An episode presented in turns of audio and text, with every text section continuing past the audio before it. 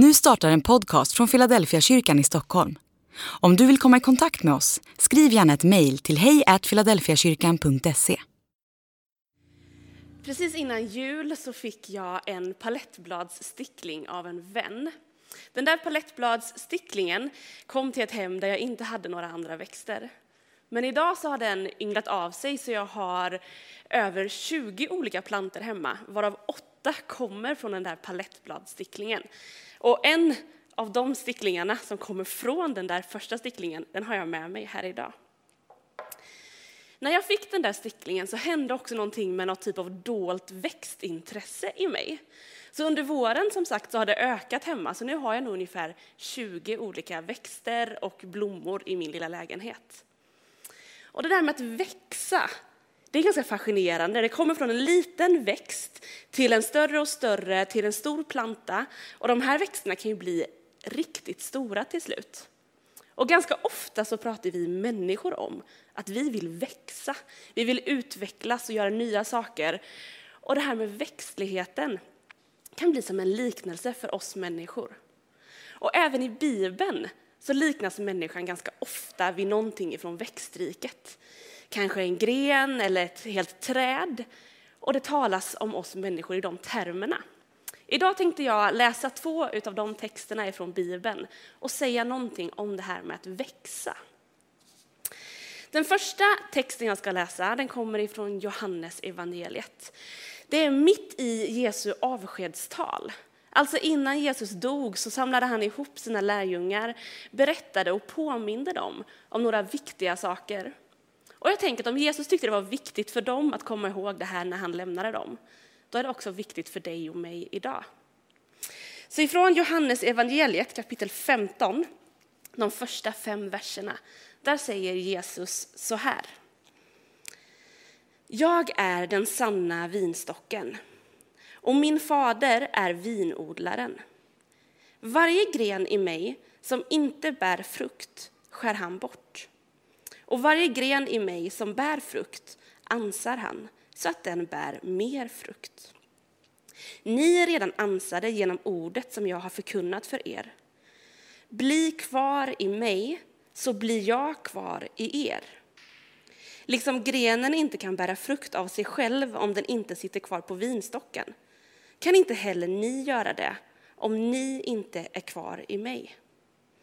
Jag är vinstocken och ni är grenarna. Om någon är kvar i mig och jag i honom bär han rik frukt.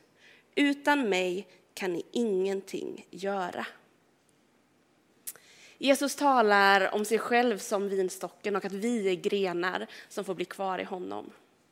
På ett annat ställe i Gamla testamentet, i Saltaren, i den allra första salmen, så skriver salmisten ord om en människa som liknas vid ett träd.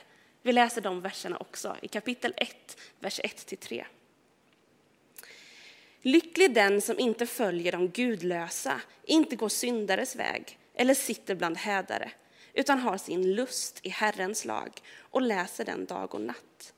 Han är som ett träd planterat nära vatten. Det bär sin frukt i rätt tid.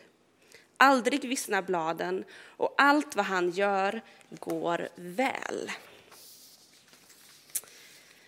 Där liknas alltså en människa som har sin lust i Herrens lag vid ett träd planterat nära vatten som bär sin frukt i rätt tid. Och idag ska jag säga någonting om de här två sakerna. Om att bära frukt och att bli kvar i Jesus. Det här med frukt är också ganska fascinerande.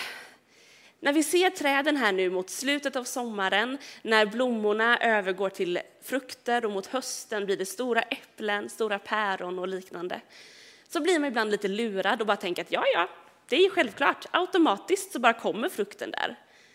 Men det är ju inte helt automatiskt. Om grenen inte hade suttit kvar i stammen så hade det aldrig kommit några äpplen på äppelgrenen. Utan grenen måste sitta kvar, sitta fast i stammen för att den både ska blomma och sen också bära frukt. Och det är det Jesus säger när han säger att liksom grenen inte kan bära frukt av sig själv om den inte sitter kvar på vinstocken. Kan inte heller ni göra det om ni inte är kvar i mig. Så på samma sätt som det för fruktträdet är ett resultat av att stammen och grenen är kopplade, så tänker jag att det är så i våra liv också. Vi behöver vara kopplade med Jesus för att det ska bära frukt. För att vi ska få se hur vi växer och få dela med oss av de här frukterna så behöver vi vara kopplade till stammen, till Jesus själv. Men vad är då frukten? Det är inte så att vi går runt och bär äpplen och päron eller har en, alltid har en stor fruktskål hemma på köksbordet. Utan den frukten som Jesus talar om och som sen också Paulus skriver om i Galaterbrevet. Så vi bläddrar fram till Galaterbrevet kapitel 5 där Paulus säger oss någonting om vad den där frukten i våra liv kan vara. Så Galaterbrevet 5, eh, vers 22-23. Men andens frukter är kärlek, glädje och frid. Tålamod, vänlighet, godhet, trofasthet, ödmjukhet och självbehärskning. Frukten, det är alltså det som kommer ut ur våra liv. De egenskaper som andra människor ser när de ser på oss, hur vi möter dem, det är den frukten som får växa i våra liv när vi är kopplade till Jesus själv. De där verserna i Saltaren i första kapitlet, när psalmisten skriver att den mannen, den personen är som ett träd som också bär frukt i rätt tid. Det är ganska fascinerande att tänka, vad är det att bära frukt i rätt tid? Äppelträdet bär ju alltid frukt liksom framåt hösten beroende på vilken sort det är. Men vad är det för dig och mig att bära frukt i rätt tid? Jo, men frukten, det var ju de här egenskaperna. Alltså kärlek, glädje, frid, trofasthet, tålamod och så vidare. Så när jag tänker att bära frukt i rätt tid, kanske att det kan vara att eh, faktiskt vara den som är fylld av kärlek och älskar andra människor i en tid där vi oftast kanske möts av hat. Att bära frukt i rätt tid, det kanske är att eh, känna den där djupa friden i sitt eget liv. Få möta andra människor och ge frid till andra i en situation som stormar eller är fylld av oroligheter och osäkerhet. Att bära frukt i rätt tid, att få vara trofast, stå fast vid sitt ord och finnas där när andra människor sviker. Jag tror att både du och jag tänker på människor som vi har stött på, som vi känner, som vi har relationer till, som verkligen bär frukt i rätt tid. Och jag tror att både du och jag förstår att det där hänger ihop med den personens liv tillsammans med Jesus. Att de är kopplade, precis som grenen in i stammen, så är de människorna kopplade med Jesus. Och därför kan vi se hur de bär den här frukten i sina liv. Så för att bära frukt och bära frukt i rätt tid behöver vi bli kvar i Jesus. Det är det han säger i Johannes 15. Så det här ordet, bli kvar, eller i vissa svenska översättningar så står det förbli. I engelska översättningar så skriver man abide eller remain. Men om man kollar på de grekiska orden så är det ett ord som heter meno. Och meno, det kan eh, handla om att bli kvar på en plats, att bli kvar i ett tillstånd eller vara kvar i en relation. Och det är det där jag tänker att det här handlar om. Att Jesus säger bli kvar i mig. Var kvar i relationen till mig. Lev ditt liv tillsammans med mig. Det handlar om att vara ett med Jesus och stå enad med honom i hjärta, tanke och i handling. Att växa i sin relation till Jesus och bli ännu mer lik honom. Det är det det är att förbli och vara kvar i Jesus. Om man ännu mer kollar på ordet att vara kvar, bli kvar, förbli, det är ett verb. Och om vi kommer ihåg hur vi lärde oss ordklasserna när vi var yngre, så var det lite knep man kunde ha, att ett substantiv, det är något man kan säga en, ett eller flera framför. En apelsin, ett äpple. Eller eh, verben då, någonting som man gör. Det är något man kan säga att framför. Att cykla, att gå. Så bli kvar eller förbli, det är ju ett verb. Att bli kvar, att förbli.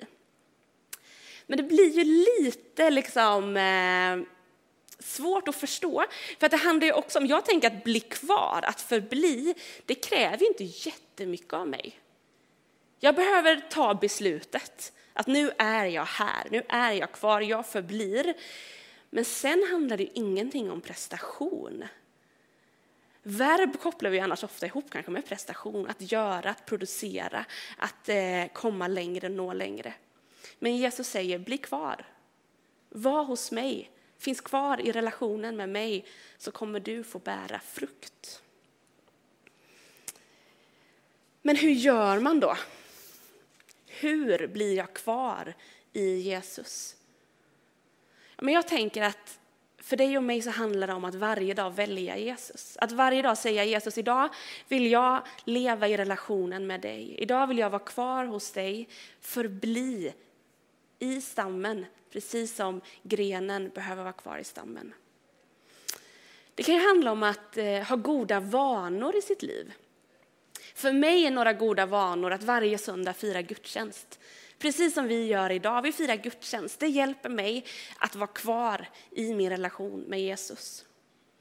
Att finnas med i en smågrupp eller bönegrupp, en mindre gemenskap, där jag delar mitt liv med dem, där vi ber tillsammans och för varandra. Att få läsa Bibeln, Guds ord till oss människor, och få lovsjunga och be. Det är också goda vanor som hjälper mig att bli kvar i Jesus. Så den här sticklingen som jag har med mig, jag har satt den i vatten för att den ska få växa, få rötter, kunna växa och förhoppningsvis en dag börja blomma. Men oavsett hur mycket den här sticklingen liksom själv vet att den borde växa, den borde blomma, så skulle den liksom inte göra det om den var för sig själv. Den behöver vara kopplad ner i vattnet där den får den näring den behöver. Och äppelgrenen, den måste vara kopplad till stammen för att kunna bära frukt framåt hösten. När vi är kopplade med Jesus så kommer frukten automatiskt, precis så som det också gör för växterna när de är kopplade till stammen, till vattnet där de får sin näring. Jag har så många gånger kämpat för att jag vill så mycket. Jag vill nå upp till höga mål och jag vill prestera gott. Och jag tror att det är många som känner igen sig i det. Så när jag lyssnar till Jesu ord om att få bära frukt så vill jag det. Men jag inser att det är ingenting jag kan göra, det är ingenting jag kan själv kämpa fram eller pressa fram i mitt liv. Lika lite som växten själv kan pressa fram frukt eller växt eller eh, blomning. Jag behöver bara inse att jag, det jag kan göra det är att välja att vara kvar hos Jesus. Att välja goda vanor som hjälper mig att växa i relation med Jesus. Och när jag gör det så förhoppningsvis så kommer det frukt ut ur mitt liv. Så idag tänker jag att du och jag ännu en gång får välja Jesus. Vi får säga ja Jesus, vi vill vara kvar hos dig, vi vill bygga en relation med dig. Och kanske att du idag säger det för första gången. Testa att säga Jesus, jag väljer dig. Jag vill leva i relation med dig.